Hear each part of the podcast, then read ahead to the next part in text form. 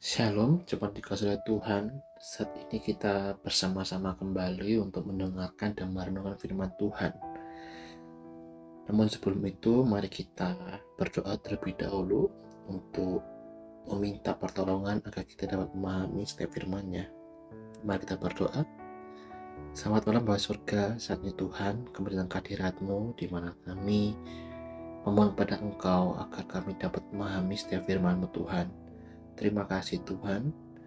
Dalam nama Tuhan Yesus, kami berdoa, ucap syukur pada Engkau. Amin. Perlindungan kita pada malam hari ini terambil dari 1 Korintus pasalnya yang ke-10. 1 Korintus pasal 10 Aku mau supaya kamu mengetahui, saudara-saudara, bahwa nenek moyang kita semua berada di bawah perlindungan awan dan bahwa mereka semua telah melintasi laut. Untuk menjadi pengikut Musa, mereka semua telah dibaptis dalam awan dan dalam laut. Mereka semua makan makanan rohani yang sama, dan mereka semua minum minuman rohani yang sama, sebab mereka minum dari batu karang rohani yang mengikuti mereka, dan batu karang itu ialah Kristus. Tetapi sungguh pun demikian, Allah tidak berkenan kepada bagian yang terbesar dari mereka, karena mereka ditewaskan di padang gurun. Semuanya ini telah terjadi sebagai contoh bagi kita untuk memperingatkan kita, supaya jangan kita menginginkan hal-hal yang jahat seperti yang telah mereka perbuat, dan supaya jangan kita menjadi penyembah-penyembah berhala sama seperti beberapa orang dari mereka seperti ada tertulis, "Maka duduklah bangsa itu untuk makan dan minum. Kemudian bangunlah mereka dan bersukaria. Janganlah kita melakukan percabulan seperti yang dilakukan oleh beberapa orang dari mereka, sehingga pada satu hari telah tewas 23 ribu orang. Dan janganlah kita mencobai Tuhan seperti yang dilakukan oleh beberapa orang dari mereka, sehingga mereka mati di pagut ular. Dan janganlah bersungut-sungut seperti yang dilakukan oleh beberapa orang dari mereka, sehingga mereka dibinasakan oleh malaikat maut. Semuanya ini telah menimpa mereka sebagai contoh dan dituliskan untuk menjadi peringatan bagi kita yang hidup pada waktu di mana zaman akhir telah tiba. Sebab itu, siapa yang menyangka bahwa ia teguh berdiri, hati-hatilah supaya ia jangan jatuh.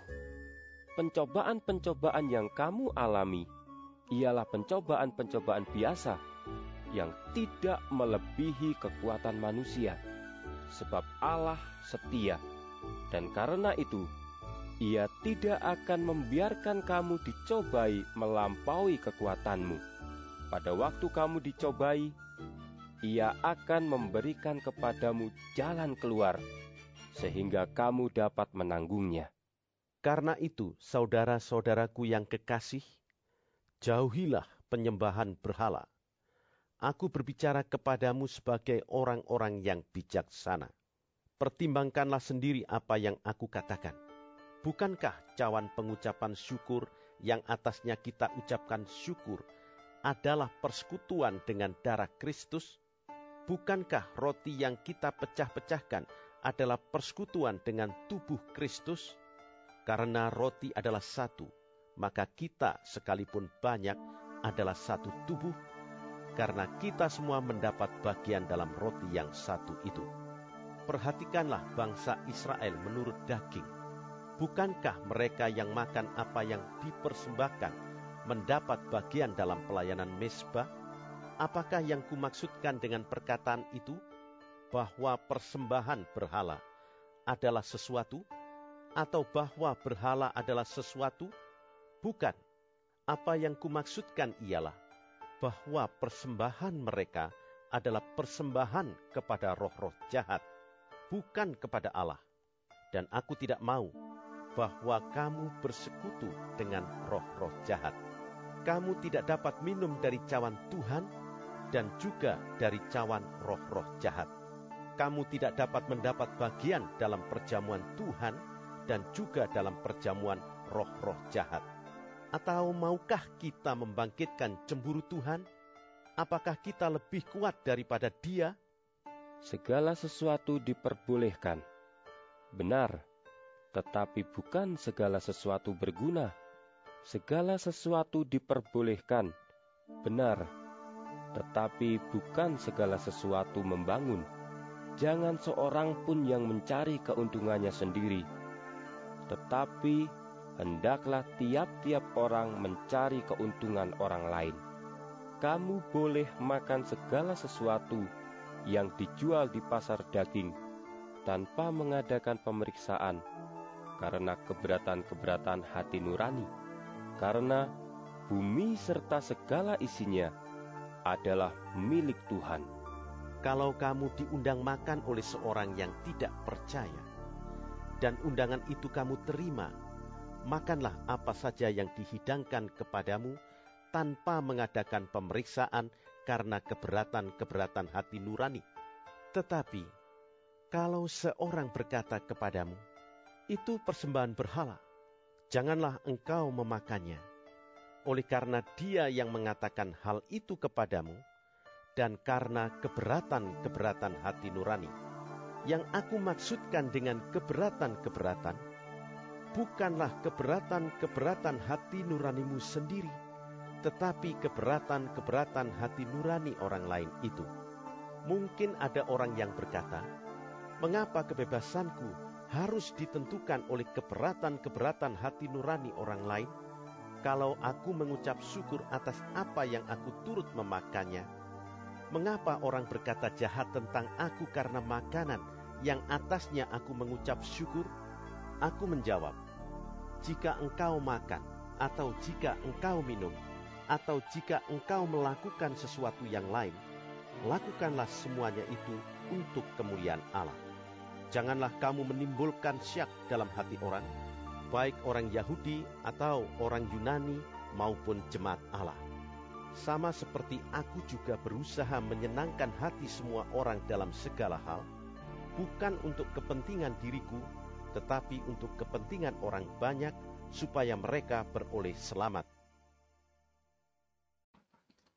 Bapak Ibu yang Tuhan, dari 1 Korintus pasal 10 ini, kita dapat melihat di mana Paulus menerapkan sejarah perjanjian lama ke dalam kehidupan kita saat ini yang di mana tujuannya adalah untuk menunjukkan pentingnya bertekun dalam iman tidaklah cukup untuk mengalami manfaat-manfaat eksternal dari gereja yang kelihatan harus ada pengalaman dari kasih karunia Allah dalam jiwa di mana hal ini menjadi suatu renungan bagi kita semua bagaimana hak istimewa rohani tidak sama dengan kepemilikan rohani.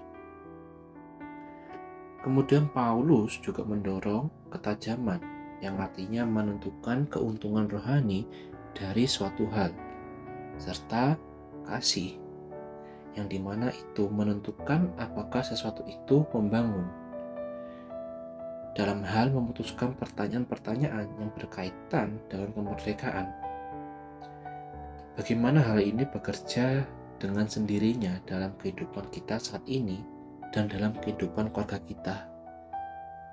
Tidak hanya itu saja, bagaimana juga kemuliaan Allah dan kebaikan orang lain berperan dalam apa yang kita lakukan dan tidak kita lakukan. Kiranya dari firman Tuhan ini kita diajarkan kembali bahwa yang terjadi dalam setiap kehidupan kita bahwa itu semua adalah kehendak Tuhan melalui orang-orang di sekitar kita. Mari kita berdoa. Selamat malam Bapak Surga, Tuhan kami telah mendengarkan firman-Mu. Kiranya dari firman-Mu ini Tuhan kami diingatkan kembali bahwa Engkau adalah Tuhan yang selalu memperdulikan setiap kami Tuhan melalui orang-orang yang kau hadirkan dalam setiap kehidupan kami Tuhan. Terima kasih Tuhan. Dan kini tiba saatnya bagi kami akan beristirahat. Kiranya Kau yang jaga istirahat malam kami. Dalam Tuhan Yesus, kami sudah berdoa. Kami syukur pada Engkau. Amin. Selamat malam, selamat beristirahat. Tuhan Yesus memberkati.